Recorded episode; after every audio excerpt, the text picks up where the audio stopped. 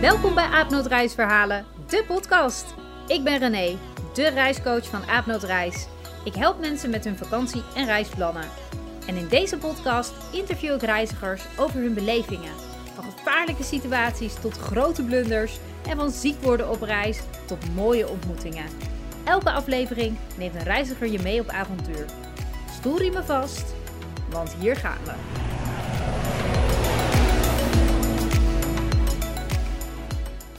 Yes, welkom bij weer een nieuwe aflevering van Aapnoot Reisverhalen. Dit keer ga je luisteren naar een avontuur van Carmen. Na een burn-out realiseerde Carmen dat het leven dat zij leidde niet het leven was dat zij ambieerde.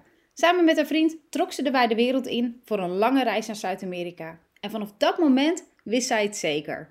De wereld is te mooi om niet gezien te worden. Dus gooiden zij hun leven om en besloten ze om locatie onafhankelijk te worden. Zodoende vertrok zij april 2021 naar Bali om hier een paar maanden te gaan wonen en online te werken aan hun eigen bedrijf. Ze hadden het hier waanzinnig naar hun zin, maar helaas ging Bali na een tijdje in lockdown. Gelukkig hadden ze een hele fijne en mooie villa waar ze verbleven met een aantal anderen. En omdat restaurants gesloten waren, maakten ze gebruik van takeaway en aten ze lekker in de villa. Toen Carmen op een avond met de doos Cinnabons door de tuin liep, voelde zij plots een hap in haar enkel. En op dat moment nam hun rustige leventje in hun Balinese villa een hele andere wending en moest ze met spoed naar het ziekenhuis. Nou, wat haar nou gebeten had en hoe Carmen hiermee omging, dat vertelt ze jou zo in deze waanzinnig spannende aflevering. Nou, voordat Carmen haar hele verhaal met je deelt, vertel ik je eerst nog even de ins en outs over Bali. Want wie aan Indonesië denkt, denkt waarschijnlijk direct aan Bali. Bali is namelijk het meest populaire vakantieeiland van Indonesië. Het is het meest westelijke eiland van de kleine Sunda-eilanden en er leven zo'n 4 miljoen inwoners op Bali. De hoofdstad van Bali is Denpasar. Dit is vaak ook je aankomstbestemming wanneer je naar Bali reist. De lokale bevolking staat bekend als zeer vriendelijk en de Balinezen laten je graag kennis maken met hun cultuur. De meeste inwoners zijn hindoeïstisch, ondanks dat Indonesië het grootste islamitische land ter wereld is. Het hindoeïsme is een belangrijk onderdeel van de Balinese cultuur. Er zijn dan ook duizenden tempels te vinden op Bali. Geschat zijn er tussen de 20.000 en 50.000 tempels te vinden. Alleen elk dorp heeft al minstens drie tempels. Nou, elk tempel heeft dan weer zijn eigen ceremonies en dat gaat eigenlijk altijd gepaard met veel versieringen van bijvoorbeeld palmbladeren en bloemen. Geweldig om zo'n ceremonie mee te maken en de lokale bevolking deelt het heel graag met je wanneer je vriendelijk om vraagt en natuurlijk respect toont. Toerisme is het belangrijkste onderdeel van de economie op Bali. Hierdoor is het eiland minder authentiek dan de nog onontdekte eilanden van Indonesië, al is dit zeker geen reden om Bali over te slaan tijdens een reis voor Indonesië, want Bali heeft het allemaal. Bali staat bekend als het land van de goden. Je vindt hier pure schoonheid op dit vulkanische eiland. Denk aan wilderige en groene jungles met kletterende watervallen, eindeloze reisvelden en reisterrassen, duizenden tempels, tropische, tropische stranden en met een wonderlijke onderwaterwereld. Hippe food hotspots waar je pokeballs en smoothies kan bestellen, kleurrijke ceremonies die plaatsvinden in een van de duizenden tempels en nog veel en veel en veel meer. Het eiland trekt dan ook veel toeristen die houden van strand- en wateractiviteiten zoals snorkelen, duiken en surfen. Maar ook voor natuur, avontuur en of andere cultuurvakanties is Bali echt de perfecte bestemming. Bali kent twee seizoenen qua weer, namelijk het droge seizoen en het regenseizoen. En de beste reistijd voor Bali is gelijk aan die van de meeste regio's in Indonesië, namelijk april tot en met oktober. In de Nederlandse wintermaanden heb je dus wel kans op regen op Bali, maar daartegenover staat dan weer dat het alles prachtig groen is. De meest bekende plaatsen op Bali zijn Kuta, Seminyak, Canggu, Uluwatu en Ubud. Kutu staat bekend om het uitgaan, heeft een levendig centrum en een groot strand en talloze winkeltjes. Seminyak ligt hier tegenaan en is wel wat rustiger dan Kuta, maar biedt nog steeds alles wat je nodig hebt voor voldoende vermaak.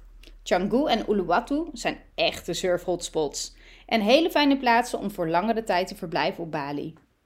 Ubud is echt een geweldige uitvalsbasis om het binnenland te ontdekken. De omgeving is echt heel relaxed en met een scooter of een huurauto kan je gemakkelijk de bezienswaardigheden in de omgeving ontdekken. Duik de natuur en de cultuur in van Bali en laat je verrassen door dit stukje paradijs aan de andere kant van de wereld. Vul je dagen met massages, kooklessen, tempelbezoeken, bakken op het strand, lange wandelingen langs de rijstvelden of ga op jacht naar watervallen in de jungle. Kortom, leef het goede leven. En zoals ik al eerder zei, Bali heeft het allemaal. Hi Carmen, welkom uh, in een aflevering van Aapnoot Reisverhalen, de podcast. Wat super leuk dat je er bent. Ja, dankjewel uh, voor de uitnodiging allereerst. En ik ben echt super excited om uh, ja, deze podcast hier met je op te nemen. Ja, ik ben ook heel erg benieuwd naar, jou, naar jouw verhaal. Zou je eerst eens even wat over jezelf willen vertellen? Ja, zeker. Ja, ik, ik ben dus Carmen en ik ben eigenlijk van origine een afgestudeerd modern danseres. En nadat ik dat een paar jaar op freelance basis had gedaan, merkte ik toch dat ik meer behoefte had aan financiële zekerheid. Zodoende ben ik in de HR-wereld uh, beland. Daar vier jaar het 9 tot 5 leven gedaan. Ja, en toen toch tot de conclusie gekomen na een burn-out, overspannen zijn, dat het uh, niet voor mij was weggelegd. Zodoende zijn mijn vriend en ik begin 2019 met een enkeltje naar Zuid-Amerika vertrokken nou ja, vanaf dat punt eigenlijk de keuze gemaakt van oké, we gaan gewoon lekker uh, fulltime blijven reizen. We zijn ons eigen bedrijf gestart en nou ja, goed, zo geschieden. Zo uh, begint eigenlijk een beetje het avontuur. Ja, wat bijzonder hè, dat je zo van, nou ja, eigenlijk hè, je niet helemaal lekker in je vel voelen naar bijna je ideale leven bent toegegaan. Ja, klopt. Ja, we zijn uiteindelijk gewoon echt vanuit het uitgangspunt van ons meest ideale levensstijl gaan beredeneren van hé, hey, wat, wat zouden we dan willen doen en wat past er bij de dromen die we hebben. Ja, de wereld is gewoon te mooi om niet te zien. En dat betekent dus automatisch dat met ja, een vast aantal vakantiedagen per jaar komen we er gewoon niet. Dus ja, daar moet verandering in komen. En ja, dat hebben we aangebracht. Ja, en je gaf aan, jullie zijn een eigen bedrijf gestart. Wat voor bedrijf is dat? Ja, we zijn een online bedrijf gestart vanuit onze passies. En dat is voor wildlife en voor natuur en het behoud daarvan. Mhm. Dus nadat wij eerst ons wegwijs hebben gemaakt in de verschillende online marketingstrategieën, hebben we dus vervolgens een online platform opgericht. Dat ethische wildlife projecten wereldwijd meer zichtbaarheid geeft. Met dus als doel dat straks na deze hele pandemie alle reizigers ja, in één oogopslag weten naar welke wildlife tours ze het beste toe kunnen gaan omdat alle wildlife projecten waarmee wij werken ook allemaal doneren aan lokale goede doelen. Oh, wauw, wat een ontzettend mooi initiatief. Ja, ja het is iets waar we echt uh, heel blij van worden. Ja. En ja, ik denk ook dat we er heel veel voldoening uit halen dat we weten dat we de wereld net wat beter proberen te maken hiermee. En dat, ja, dat maakt, uh, ja, dat geeft wel gewoon een extra spark. Ja, vind ik heel mooi. Hey, en dan ben ik wel even benieuwd, want je gaf al aan, nou, we hebben best wel wat gereisd ondertussen. Heb je ook een favoriet reisland? Ja, dat is voor mij dan toch Ecuador. En dat is echt vanwege de Galapagos-eilanden. Ja. Wij zijn daar toen bijna drie weken geweest. Oh. Um, ook een cruise gehad van zes dagen, volgens mij, of acht dagen zelfs. Um, ja, en die eilanden, dat representeert toch wel echt perfect hoe mens en dier perfect naast elkaar kunnen leven. Zonder dat het het een of het ander hoeft te zijn. Ja. Uh, ja, dat heeft ook wel echt als een hele grote inspiratie gezorgd voor ons. Ja, ja, als je zegt inderdaad de Galapagos-eilanden over wildlife gesproken. Ja, exact. Ja. ja, hoort natuurlijk op het lijstje erbij. Ja. Dus uh, ja, echt een hele, hele unieke plek. Heel bijzonder. Maar dat is niet waar jouw reisverhaal zich afspeelt, hè? Nee, zeker niet. Nee, die speelt zich heel erg anders af. Nou, vertel, waar speelt jouw reisverhaal zich af? Nou, mijn reisverhaal speelt zich af op Bali. Op Bali. Oké. Ja, een plek die denk ik veel mensen wel zullen kennen. Ja, waarschijnlijk wel. Ik zou zeggen, neem ons maar mee naar Bali. En uh, ja. ja. ik hang aan je lippen. Nou, helemaal goed. Let's do this. Nou, ik uh, ben afgelopen april met mijn vriend naar Bali toe vertrokken. Daar zouden we gewoon voor een paar maanden gaan wonen en werken. Uh, en zo geschieden. Dus zo zijn we daar terecht gekomen. Het was natuurlijk een beetje een gekke tijd vanwege de pandemie. Maar het was er eigenlijk ook wel echt heel erg fijn.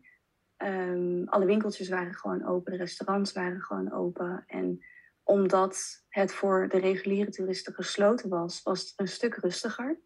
Um, dus ja, dat, dat was natuurlijk voor de mensen die er op dat moment woonden en werkten natuurlijk heel erg fijn. Um, en toen op een gegeven moment gingen de cijfers in uh, Indonesië natuurlijk vrij hard omhoog. En toen kwam er een lockdown. Ja. En zo ook in Bali. En wij woonden op dat moment op een heel erg mooi resort, gewoon in Canggu. En wij hebben daar op een avond uh, aan het zwembad gegeten met een vriend uit Duitsland. We hadden heerlijke um, Mexicaans eten besteld bij Lola's. Uh, sommigen zullen dat wel kennen. en uh, op een gegeven moment heeft mijn vriend nog heerlijke cinnamons gehaald bij Cinnabon. Ook heel erg lekker, zeker een aanrader. En ik loop met die doos met um, cinnamons in mijn handen van het zwembad naar ons bungalowtje toe. Ja. En nou, daar is een paadje met stenen tegels. Mhm. Dus normaal gesproken stap ik ook altijd netjes op die tegels. Maar er was één hoekje van het zwembad naar de bungalow toe waar de stap te groot was. Dus ik moest altijd één stap in het gras zetten. Ja. Dus ja, dat doe ik. Helemaal geconcentreerd nog steeds op die doos in mijn handen. En ik zet mijn voet neer en ik voel een hap. En ik dacht gelijk, oh god, ik word gebeten door iets. En dus niet schattig, oh het is een mug, maar Nee. wel, ik voel echt een bijt. En toen dacht ik, ja, wat, wat kan me nu bijten? Nou ja, dan spookt er wel heel even door je hoofd, oh dat kan een slang zijn. Maar dan denk je ook gelijk, ja, ik zit hier in Canggu op een resort. Mhm. Hier zijn slangen. Toen dacht ik nog, nou, misschien is het een takje. Dat Ja. ik op het takje ben gestapt, dat dat langs mijn voet is geschramd. En toen kwam mijn vriend aan met een zaklamp. En toen zagen we dus wel echt een slang. Maar rie- riep Nou ja, jij iets of op het moment dat dat gebeurde? Ja, ik begon, ik zou wel gelijk, eh, dat was nog in het Engels. Eh, toen kon ik nog Engels praten. Toen zei ik dus wel gelijk, I got bitten, I felt a bite. Want de rest Dus was dat- vlakbij jou ook. Zij konden jou zien of... ehm, Ja, eh, Alex, die vriend uit Duitsland, die liep ja, schuin voor mij. Ja? En mijn vriend die kwam achter me aan, die had al het afval van Lola's Oh, oké. meegenomen. Ja? Dus ehm, hij pakt daarna zijn zaklamp en we zien dus die slang. En nou, dat is het moment dat er bij mij een soort van complete freak-out ontstond. Ja. Dus ik ben met Alex ben ik, eh, doorgelopen naar ons bungalowtje. Dat was echt, nou ja, nog geen 10 meter verderop. En eh, wat er gebeurde is dat ik dus in die eerste... Nou, ik had zelf het gevoel dat het een minuut tot twee minuten duurde. Mijn vriend die zegt achteraf van, nou, het was iets van 30 seconden. Zo lang was het niet. Eh, maar ik kon dus alleen maar Nederlands tegen die, ja, die vriend uit Duitsland praten. Dus ik bleef maar zeggen, oh mijn god, ik ben net gebeten door een slang. En ik durf niet te kijken, ik durf niet te zien of ik echt een wondje heb of niet. Want wie wordt er nou gebeten door een slang? En wat gebeurt hier? Ik weet niet wat ik moet doen. En oh mijn god, en ik ging maar door. En alleen Ja. in het Nederlands. Dus je was echt- mij- oh, ja, volledige Ja. paniek. Want wat voelde Ja. je op het moment... Ja, je zei ik voelde een soort hap, maar was het een stekende pijn of... Nou, eigenlijk heb ik niet heel veel pijn gehad. Oké. Ehm, en ik weet dus niet achteraf gezien of dat meer gewoon door alle adrenaline kwam. Of dat het gewoon echt niet zoveel pijn deed. Nee. Maar ik heb dus niet echt pijn gehad. Nee, dus je, je, je voelde iets. En vervolgens kom je erachter dat het een slang is. En de paniek slaat volledig toe. Ja, Ja. ja echt 100 procent. Ja. Ja. Dus ik heb volgens mij wel nog op één punt tegen Alex gezegd... Ik, eh, I'm, I'm just talking Dutch to you. en hij bleef maar zeggen, it's okay, it's okay. hij heeft zelf voorheen ehm, als ambulancebroeder gewerkt. Oh. Dus hij is wel gewend aan eh, Ja. kalm blijven in treksituaties. Fijn. Nou, ja, heel fijn. Dus nou, ik stond bij het bungalowtje. En mijn vriend die bleef bij die slang. En hij heeft op een gegeven moment dus echt een soort van gegild, geschreeuwd tegen mij van... Carmen, je moet rustig blijven. Want ja, als ik niet rustig blijf en mijn bloed gaat alle kanten op... en Mm. er is wel gif in mijn lijf, ja, dan, dan heb je wel echt een probleem. Ja. Dus nou, dat was wel gelukkig het moment dat ik een soort van knop kon omzetten. Dat ik dacht, oké, nou dan blijf ik rustig. Dan is dat wat ik doe. Oké. Eh, dus mijn vriend die heeft toen Alex geroepen om foto's te maken van de slang. Ja. Maar vond die ook slang ging niet weg of zo. Die, wat was die aan het doen? Ja, hij was wel op die tour. Dus hij, hij was wel on the move. Eh, richting onze bungalow trouwens, bedenk ik me nu. Oh. Ja, heel geruststellend. Ehm, dus mijn vriend heeft er een foto van genomen. En toen zijn wij naar de receptie toe gelopen. Ehm, en Jij daar ook? heeft de vrouw van... Sorry? Jij ook? Ja, ik ook. Ja. Ja. Daar heeft die vrouw van het resort, die heeft een, ehm, lint om mijn kuit heen gebonden. Mhm. Toen dacht ik ook, ja, dit is ook echt heel slim. Daar Ja. had ik ook echt nog niet over nagedacht. Ik denk achteraf gezien dat ik gewoon... Ja, je bereidt je op heel veel dingen voor. Als je bijvoorbeeld een jungle ingaat en wildlife gaat Ja. zien. Dan verwacht je om een slang te zien. Mhm. Ik was er gewoon echt totaal niet op voorbereid. Nee. Dus, nou goed, ja, ik ben toen op een, uh, op een bankje neergezet. En de vrouw van de receptie heeft toen contact gezocht met de kliniek, want er was mhm. avondklok. Ja. Dus eigenlijk mocht ik ook niet meer naar buiten. Oh, ja. Toen mochten we dus naar een kliniek toe. Nou, dan mochten we gewoon op ons eigen scoopie naartoe. Dus ik met een uh, omgebonden been op de scoopie achterop naar een kliniek toe. Um, dat is een scootertje? Daar, ja, ja, eh, echt een. Ja, de volgende keer gaan we voor een grotere scooter, want het is niet de meest comfortabele scooter, maar het was prima. Um, aangekomen in de kliniek um, werd me trouwens ook al heel gauw duidelijk dat slang in het Bahasa is ular. Dat zal ik ook niet meer vergeten. Um, ja, dan komen we aan in de kliniek en dan wordt er gezegd: Oh, ja, we wisten niet dat het om een slangenbeet ging. Dus je moet naar een ziekenhuis toe. Een publiek ziekenhuis ergens in Denpasar. Oh, nee. Um, en ja, mijn vriend die heeft al echt heel adequaat gehandeld, maar die zat wel echt in de stress. Ja. Um, en hij zegt van oké, we moeten naar het ziekenhuis toe. Wordt er dan een ambulance gebeld of hoe, hoe gaat dat? Mm -hmm. Toen werd er gezegd, ja nee, je kan beter zelf gaan, want het duurt langer als, als je op een ambulance moet wachten. Ja. dus um, ja, dan merk je ook wel gewoon gelijk dat het zorgstelsel dat we ja, in Nederland kennen natuurlijk gewoon echt heel anders is. Ja. Ook, na, ja, ook wel in tijden van een pandemie. Dus ja, de ervaring die wij uiteindelijk in het ziekenhuis hebben gehad, ik weet natuurlijk ook niet hoe representatief die zijn ten opzichte van mhm. normale periodes. Maar hoe ver was dat uh, ziekenhuis van die kliniek vandaan dan?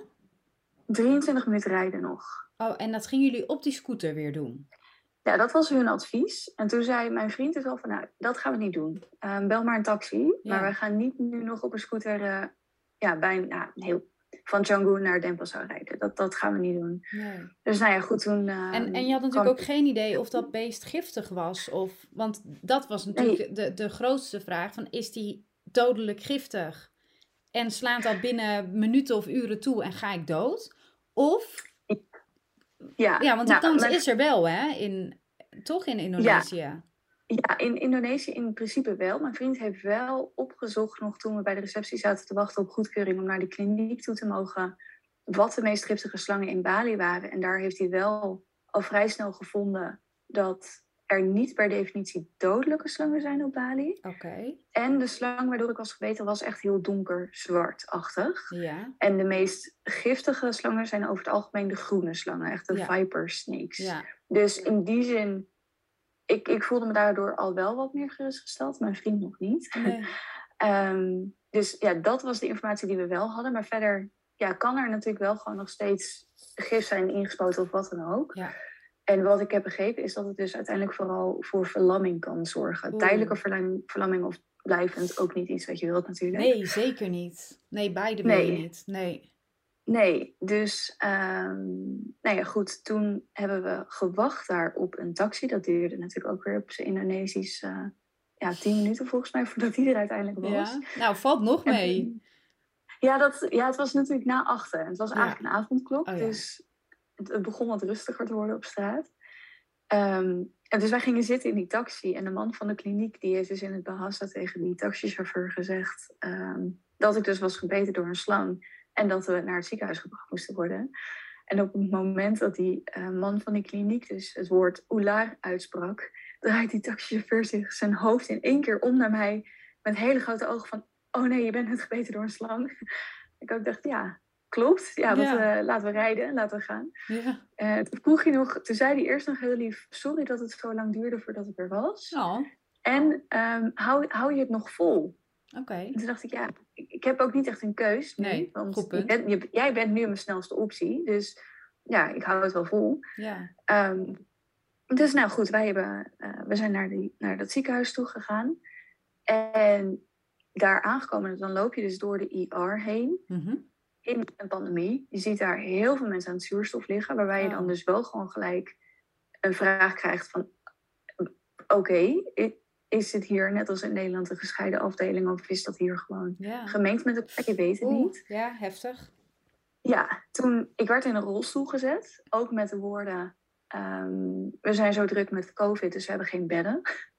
Okay. dat je ook denkt, oké, okay, dat vind ik ook wel fijn om te weten. Ja. Nou, de rolstoel die viel ook echt gewoon van ellende uit elkaar. Um, we hebben daar dus eerst tien minuten gezeten. Toen kwam er op een gegeven moment een verpleger langs waar aan mijn vriend dus vroeg van... joh, jongens, ze is gebeten door een slang. Moet er niet iets gebeuren? Waarop die man dus zei, ja, je moet er eerst aanmelden. En dat wij dus dan ook denken van, ja, waarom zegt niemand dat? Ja. Maar ja, dan moet je dus dan zelf achteraan. Dus Marijn vroeg ja, waar moet ik haar dan aanmelden? Nou, dat moest dan ergens bij een bepaald, eh, bij een bepaald punt. Ja. Dus nou, Marijn heeft me toen aangemeld. Eh, ze hebben toen mijn bloeddruk gemeten, hartslag gemeten. Heel grappig, dat hebben ze gedaan aan mijn teen. Dus bij de, Huh? bij de bijtwond. Ja, ik denk dus omdat dat een soort van indicatie kan geven over of er gif werkzaam is in je lijf, denk ik. Want je hand is natuurlijk een stukje verder weg van de Ja. Ja, zeker. Dat was mijn theorie. Ja. Maar ik ben niet medisch onderlegd, dus Nee. ik pin me daar niet op vast. Nee. Ehm, nou ja, goed. Uiteindelijk zijn er nog, is er nog een half uur overheen gegaan. Ik moest op een gegeven moment plas inleveren. Oké. Ehm, dus dat heb ik gedaan. En je- maar waar zat je dan? In een wachtkamer in die rolstoel? Of... Nee, zeker niet. Nee, we zaten dus op een hele grote zaal, midden op de eerste hulp. Oké. Ehm, met ook wel echt gewoon hele slechte, zieke mensen om ons heen. Dus Oh. wel echt overal monitor en biepjes en dingen. En nou, ze hebben op een gegeven moment dan wel de gordijnen naast mij dicht gedaan. Maar de gordijnen voor me waren gewoon nog open. Dus jij kon ook gewoon bij iedereen naar binnen kijken. Dat is heel raar. En zat jij toen nog in die rolstoel? Ik zat toen nog in die rolstoel. Ja. ja. Ja, en eh, toen ik heb afgegeven, zat ik ook nog steeds in de rolstoel. Ehm, toen ben ik op een gegeven moment, ik denk na anderhalf uur, ben ik uiteindelijk in een bed gelegd. Dat was dan meer aan de achterkant van de zaal. Ja. In diezelfde Ehm, zaal? In dezelfde zaal, ja. Ja. En toen werden wel alle gordijnen dichtgetrokken, omdat ze toen ook ehm, een hartfilmpje hebben gemaakt. Oké. Ehm, en ze hebben toen ook bloed afgenomen en gewoon een infuus aangelegd met eh, zoutoplossing. Mhm. Nou, toen moesten we dus wachten op de uitslagen. Ehm, en toen hebben ze dus ook, ik, dat was best wel grappig, toen kwamen ze op een gegeven moment langs met zo'n trolley. En daar zag ik houten plank op liggen. Toen dacht ik, oh, er is waarschijnlijk gewoon een bedstuk gegaan. Dus ze gaan nieuwe latbodems leggen. Maar die lattenbodems die hebben ze dus langs mijn benen gelegd. En ze gingen mijn hele been inzwalken. Oké. Of ja, zwachtelen. Ja, zoiets. Ja. ja. Ehm, en we hadden op dat moment gelukkig een vriendin van ons, die woont ook in Canggu. En eh, zij is met een Molukse samen. En zij zijn dus ook hals over kop naar het ziekenhuis gekomen om een beetje te kunnen vertalen voor ons. Dus dat was super fijn. Oh, fijn. Ja. Dus toen leerden we dus ook dat ze mijn hele been zat echt van mijn enkel tot en met mijn bovenbeen eh, ingepakt ja. omdat ik dus op dat moment daardoor niks meer kon doen. Dus mocht er wel gif in mijn lijf zitten, doordat ik mijn been helemaal stil leg, letterlijk, kan er dus niet meer zoveel uitspreiden naar de rest van mijn lijf. Dat was het idee daarachter. Ja. Ehm, dus nou, dat, dat is op een gegeven moment gebeurd. Mijn vriend heeft toen op een gegeven moment, want ze wilden me toen dus wel houden ter observatie Ja. dat mocht er dus wel een symptoom nog zichtbaar worden, want we waren op dat moment alweer drie uur verder. Mhm. Er was dus gelukkig nog steeds niks zichtbaar. Nee. Was dus ook het moment dat we mijn ouders durfden te bellen. Want ja, wanneer bel je ouders om te zeggen: hé, hey, ik zit op baling, ik ben gebeten door een slang. Ja, en ik lig in het Ehm, ziekenhuis. Ja, ik lig in het ziekenhuis, publiek Ja. ziekenhuis vol met COVID-patiënten. Dat, ja, dat doe je niet zomaar. En was het toen al ehm, duidelijk of die slang nou wel of niet giftig was? Nee, ehm, dat is wel een grappig verhaal nog. Dat Marijn die liet op een gegeven moment dus die slang zien aan de artsen die aan mijn Ja. bed stonden. En er waren dus blijkbaar een paar artsen die dus helemaal verschrikt naar die foto keken. Oh. Waarop Marijn dus echt dacht, oh fuck, dit is echt helemaal verkeerd. Ehm, dus het was nog steeds niet duidelijk. Eigenlijk tot op de dag van vandaag weten we nog steeds niet helemaal zeker of hij wel of niet giftig was. Oh. Er zijn mensen die zeggen, deze is niet giftig. Maar dat zijn mensen die dan in zo'n resort werken. Waarvan ik denk, ja, we- weet jij dit zeker? Ja. Of, nee, ja. Ehm, uiteindelijk zijn de bloedslagen, bloeduitslagen zijn allemaal goed teruggekomen. Dus er waren geen gekke waardes tussen. Nee. Ehm, en ja, het kan zijn dat het wel een giftige slang is geweest. En dat dit gewoon echt alleen een waarschuwingsbeet is. Mhm. Het is meestal natuurlijk ook zo dat ehm, het aanmaken van gif voor een slang, dat duurt vrij lang. Dus een slang zal niet zomaar zijn gif verspelen aan iets of iemand dat niet wordt gezien als zijn prooi. Want dat is Ja. gewoon zonde. Ja, Dus ja. het, Ja, dus het kan zijn dat stel het was wel een giftige slang geweest, dat dit gewoon een waarschuwingsbeet was. Ja, dat hij geen gif heeft gespoten. Wel gebeten, maar geen gif heeft gespoten. Precies. Ja, Ja. oké. Of, ja, of het was geen giftige slang, Ja. maar tot de dag van vandaag weten we dat dus Lastig niet. te achterhalen. Ja, ja, heel lastig. Ja, Ja. we hebben de slang natuurlijk ook niet meer teruggezien, dus eh, Nee. we weten het niet. Ehm nou ja, goed, we hebben toen ondertussen natuurlijk... we hebben aan Marijnse ouders ook gevraagd of zij naar zo'n SOS-hulplijn konden bellen. Want dat is dan vanuit je verzekering wat Ja. je moet doen als je in het buitenland in het ziekenhuis ligt. En Ik weet nog tijdens dat belletje dat we op een gegeven moment heel veel gehuil hoorden aan de overkant van de hal. Eh, want ja, daar was dus een van die personen waar ik eerst eens tegenover zat, die was dus overleden. Oh, Ehm, en toen we dus uiteindelijk, ik denk dat we rond twee uur of half drie s'nachts werden wij naar, naar een kamer gebracht, waar ik dus de nacht zou blijven. En ja, daar word je dan dus ook langs ehm, zo'n persoon die dus is overleden in een lijkgezak, lag die. oh jeetje. Eh, word je dan dus gereden. Daar, er stond op dat moment ook nog wel iemand bij die aan het huilen was. Dus toen was er nog wel familie bij. Maar dat, dat is natuurlijk gewoon heel naar. ja, het heftig. Ja, ja, het is gewoon niet prettig. Dat, Nee. eh, ja. Ook omdat het dus weer gewoon geen privacy is. Dat, dat, dat ligt daar gewoon. Ja. Ehm, dan wel weer ook een grappig verhaal. Eh, Marijn die moest mij naar boven duwen in het bed. Ja. er, er zijn nog geen verplegers die dat doen. Dat kan ook weer te maken hebben met de pandemie natuurlijk, dat weet Ja. ik niet. Ehm, en op een gegeven moment kwamen we dus aan op de eerste verdieping bij de kamer. En die deur die was nog geen meter breed. Dus dan lig je in een bed met een been dat helemaal inge, Ja. ingespalkt is. Ja.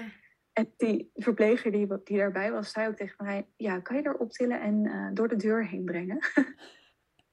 Want ja, ik denk ook dat...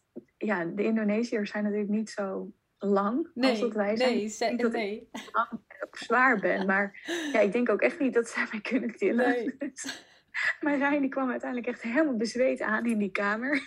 Oh, wauw. Dus, ehm, nou ja, goed, toen ben ik daar op een ander bed neergelegd. Ehm, daar de nacht doorgebracht. En was dat, waren daar ook nog andere mensen op die kamer of was je alleen? Ja, alleen. Het was een kamer Oh. voor twee personen, maar Ja. dat andere bed was gelukkig leeg. Oh, Eh, daar mocht hij dan niet liggen, maar Oh. ja. Maar hij mocht wel samen- blijven. Hij mocht wel blijven, Oh, ja. Dat is maar goed ook, want we hebben geen verplegers meer gezien. Dus de hele observatie waarom ik moest blijven is niet echt gebeurd. ze hebben niet geobserveerd. Nee, nee, uiteindelijk denk ik om half zeven dat de eerste persoon pas kwam. Oh, wauw. Eh, maar ja, tussendoor, ja, Marijn die was natuurlijk heel veel wakker. Dus die heeft tussendoor gewoon de hele tijd naar gekeken naar mijn voet. En het zag gewoon goed uit. ja. Ehm, en ja, ik kon natuurlijk ook niet naar de wc. Dus Marijn die heeft ook steeds mijn eh, po, zeg maar, verschoond. Want ja, Oh, als je, ja ik, zat, ik had natuurlijk ook een infuus. Dus ja. ik, plassen, dat doe ik sowieso altijd heel veel. Ehm, het is maar goed dat hij erbij was. Want zonder verplegers, ik had ook geen belletje, ik had niks. ja, dus hij moest jouw plasje steeds even legen. Oh. Ja, dat was heel liefdevol. Ja. Ja, dus ehm, nou ja, uiteindelijk... Ik heb trouwens heel erg lekker gegeten in dat ziekenhuis. Oh, dat dan weer wel. Echt heel veel. Ja, het was top. Oh, Ja, heerlijk. Ja, ehm, en uiteindelijk denk ik dat ik rond tien uur... dat er dan echt een groep met artsen langskwam. Die zei toen, die ene man, die zei van... nou, ehm, het zit wel goed, je mag wel naar huis. Je- Weet je, mocht er wel nog iets komen, Mhm. dan kan je altijd weer terugkomen. Ja. Ik kreeg antibioticum mee, paracetamol mee en een zalfje voor de wondjes. ja? Ehm, nou ja, goed. En uiteindelijk heeft dat dus nog vier uur geduurd voordat ik uiteindelijk... Nee, langer nog. Ik hoorde het om tien uur. Vijf uur heeft het nog geduurd voordat ik dan daadwerkelijk Oh ja. ehm, geen lattenbodem meer langs mijn been had lopen. Ja, ze kwamen eerst melden van je mag zo wel naar huis, maar vervolgens, eh, het was Ja. nog niet op dat moment, zeg maar. Er moest eerst nog Nee. even het een en ander weer geregeld worden. Ja, Ja. en dat, dat duurt natuurlijk. En dan komt er op een gegeven moment, werd mijn infuser dus wel uitgehaald. Ja. Maar toen was het dus nog niet duidelijk of ik nou met die lattenbodems naar huis toe moest. Of dat die er wel afgehaald zouden worden. Ja. Dus dat duurde vervolgens ook weer twee uur om dat na te vragen en dan Ja. terug te komen en het eraf te halen. Nou, goed. Ehm, dus nou, met eh, ook wel bijzonder. Marijn die moest dus die nacht vooraf voor drie nachten betalen. Als een soort van borg. Ja, Nou, uiteindelijk hebben we dus geld weer teruggekregen, want ik ben niet zo lang gebleven. oké. Maar uiteindelijk heeft deze hele situatie 130 euro gekost. Oké. Ja, maar in Nederland denk ik, als je één arts ziet, kom je er met 130 euro al niet. Nee. Dus ook gewoon ja, onwerkelijk om te realiseren dat dat dus voor die Ja. prijzen gebeurt. Ja. Ehm, nou, we zijn dus uiteindelijk weer naar beneden gelopen. Mhm. Weer door de IR naar buiten gegaan. En die overleden persoon lag er dus nog steeds. Nee, dat meen je niet. Smiddags, ja. Oh, wat heftig zeg. Jeetje. We hebben wel een hoop gezien daar. Ja, jawel. Ja. Ja, ja dus ehm, En, en hoe voelde jij je op het moment dat je dat ziekenhuis verliet? eh, ik, was, ik was heel erg moe allereerst. Ik had natuurlijk echt heel slecht geslapen. Ja, snap ik. Ehm, en gewoon wel echt compleet overdonderd. Ja. Dat vooral. Ja. Ehm, ik, ja, uiteindelijk is het natuurlijk, het klinkt heel stom, maar wel gewoon een goed verhaal. Goed kampvuurverhaal. Ja, daarom eh, nemen we deze aflevering op, hè? ja, maar verder, ja, het is natuurlijk gewoon ontzettend bizar. En je gaat, je gaat zo'n onwerkelijke situatie in. Vanaf het Ja. moment dat je die beet voelt tot nou het moment dat je weer langs een lijk een ziekenhuis verlaat. ja, dat, dat, het is gewoon heel veel. Dat Ja. is gewoon echt heel onwerkelijk. En dan denk ik natuurlijk dus nogmaals dat vanwege de hele pandemie en de piek ook op Bali, dat dat ook wel echt heeft meegespeeld in de intensiteit van de ervaringen. Ja, zeker. Ehm, maar ja, je verwacht gewoon niet dat dit gebeurt. En dan nog denk ik wel dat we nu natuurlijk mazzel hebben gehad. Want stel het Mhm. gebeurt wel ergens midden in een jungle. Waarbij je, weet ik veel, eh, vijf dagen op een boot moet zitten om de jungle uit te komen. ja. Ja, dan heb je denk ik een groter probleem. Want dan zijn en de slangen denk Ja. ik een stuk giftiger. ja, Eh, en je bent veel verder weg van hulp. ja, ja. Dus ja, al met al, weet je, als dit, als dit mijn verhaal is van, oh, die keer dat ik ben gebeten door een slang, is het op deze manier afgelopen. Dan ja. Achteraf gezien denk ik, oh, nou, Je had het best case scenario van de worst case scenario, zeg maar. Ja, precies. gelukkig. Ja, Ja. ja. En Ja, heb je en nog ik daarna last dus, eh, gehad van die wond? Niet Nee, echt. het is dus ook echt heel stom. Maar het wondje van mijn infuus, dat heeft er bijna een week, nee, er ruim een week gezeten. Ja, En slangenbeet was echt binnen twee, drie dagen al Oh. weg. Dus iedereen die ik erna dus nog zag, want er eh, zaten natuurlijk nog best wel veel vrienden van ons in Ja. Django. Die zeiden dus ook, oh mag ik het zien, mag ik het zien? ik zei, ik heb niks het was meer. altijd een anticlimax, want het was al weg. Ja, Oh. dus ik denk er wel over na om het misschien te laten tatoeëren. Twee, zo twee kleine kijk, stipjes. Ja, kijk, want hier zat het. Ja, Ja. goed. Mogelijk. Ik, Ja. ik denk er nog over na. Nou, ik ben benieuwd eh, naar de uitkomst. Gelukkig eh, Ja. was het in ieder geval, eh, nou ja, het, eh, het beste van, eh, van het slechtste. En ehm, Ja. ben je er gewoon goed, eh, ja, goed uitgekomen, zeg maar. En als je Ja. dan een tip zou moeten geven aan iemand die, nou ja, die bijvoorbeeld gebeten wordt door een slang. Wat zou, jouw, eh, wat zou jouw tip zijn als je dat overkomt op reis? Ja, toch echt gewoon rustig blijven. Gewoon echt even overgeven aan het feit dat andere mensen voor jou, klinkt heel stom, maar wel gaan panikeren en actie voor je ondernemen. Ja, Eh, en als er niemand bij je is, ook gewoon rustig blijven, maar dan wel gewoon zorgen dat je zo snel mogelijk bij mensen terechtkomt. ja, Ehm, want uiteindelijk is dat je belangrijkste taak, dat je Ja. rustig blijft. ja. En, en praktisch Dat. denken. Dus eh, op zoek gaan Ja. naar een oplossing. Ja, Ja, dat. En ehm, ik kon dat dus niet in eerste instantie uit mezelf. nee. Maar het Maar werd het wel voor je gedaan. Ja, het werd voor me gedaan. En toen mijn vriend dus ook echt naar me schreeuwde van... je moet rustig blijven. Ik ben achteraf gezien wel trots dat me dat dus ook wel echt is gelukt. Dat Ja. ik dat hoorde en dat ik dacht... Ja, oké, nou dan, dan is dat wat ik doe. Dan doen jullie de rest. Dan Ja. blijf ik rustig. ja. Ehm, dus ja, dat. Gewoon echt rustig blijven. Ja, ja. Ja. dat is ook wel heel knap. Ja, ja dus ehm, nooit verwacht dat dit zou gebeuren op Bali. Nee, dat snap ik. Dat eh, was even een andere wending eh, van het Bali-avontuur. Maar eh, ja. Ja. Ja, gelukkig, ja, gelukkig viel het eigenlijk achteraf allemaal, allemaal mee, hè? Ja, nou wat nog wel mooi is om te vertellen, is dat mijn vriend en ik natuurlijk ook vanwege ons bedrijf, wij, wij wilden heel graag een slang zien. Echt Ja, super graag. En Ja. elke keer als wij een tour doen, vraagt mijn vriend, kunnen we een slang zien? Ja. Kunnen we op zoek gaan naar die en die slang? En wij waren de avond voordat het gebeurde, waren we bij vrienden gaan eten en toen reden we terug via Rijstvelden. Mhm. En daar zagen we ook al een slang over de weg heen. Toen dachten we, oh, Oh. wat tof, we hebben een slang gezien. Ja, en dat was de Eh, eerste keer. Ja, we, had, we hebben wel vaker een slang gezien, maar niet Ja, niet op zeg maar Bali, zeg maar. Ja. afzetting. Eh, was dat de eerste? Nee, we hebben toen bij de um, Tanalot hebben we ook slangen gezien in, die, ehm, in die cave. Ehm, maar dit was de eerste, zeg maar, in vrije natuur, Ja. zeg maar. Dus toen dachten we al van, nou wat tof, we hebben een slang gezien. Maar ik denk dat wij het zien van een slang zo erg uit hebben gezet naar het universum. Dat we dus gewoon twee avonden op rij ja, een slang hebben gezien. En zelfs dat ik dus een slang heb gevoeld. Ik denk Ja. dat het daar gewoon op neerkomt. Ah, je hebt hem gezien, je hebt hem gezien, je hebt hem gevoeld. Alles erop Ja. en eraan. Precies. Ja, Ja. Want mijn beste vriendin zei, be careful what you wish for. Oh ja, ja, ik wou hem net zeggen inderdaad. Ja, nou, dan Ja. laten we hem daarmee afsluiten. Beter kan het niet. Lijkt me helemaal goed. Hey Carmen, ik wil je super bedanken voor het delen van je verhaal. Heel graag gedaan. Ik vond het superleuk. En jij bedankt voor het luisteren naar deze aflevering. Lijkt het je ook leuk om jouw reisverhaal te delen? Stuur me een berichtje op Instagram, aapnootreis. Heb je nou geen Instagram? Neem dan even contact op via mijn website aapnootreis.nl. En wie weet, spreken wij elkaar snel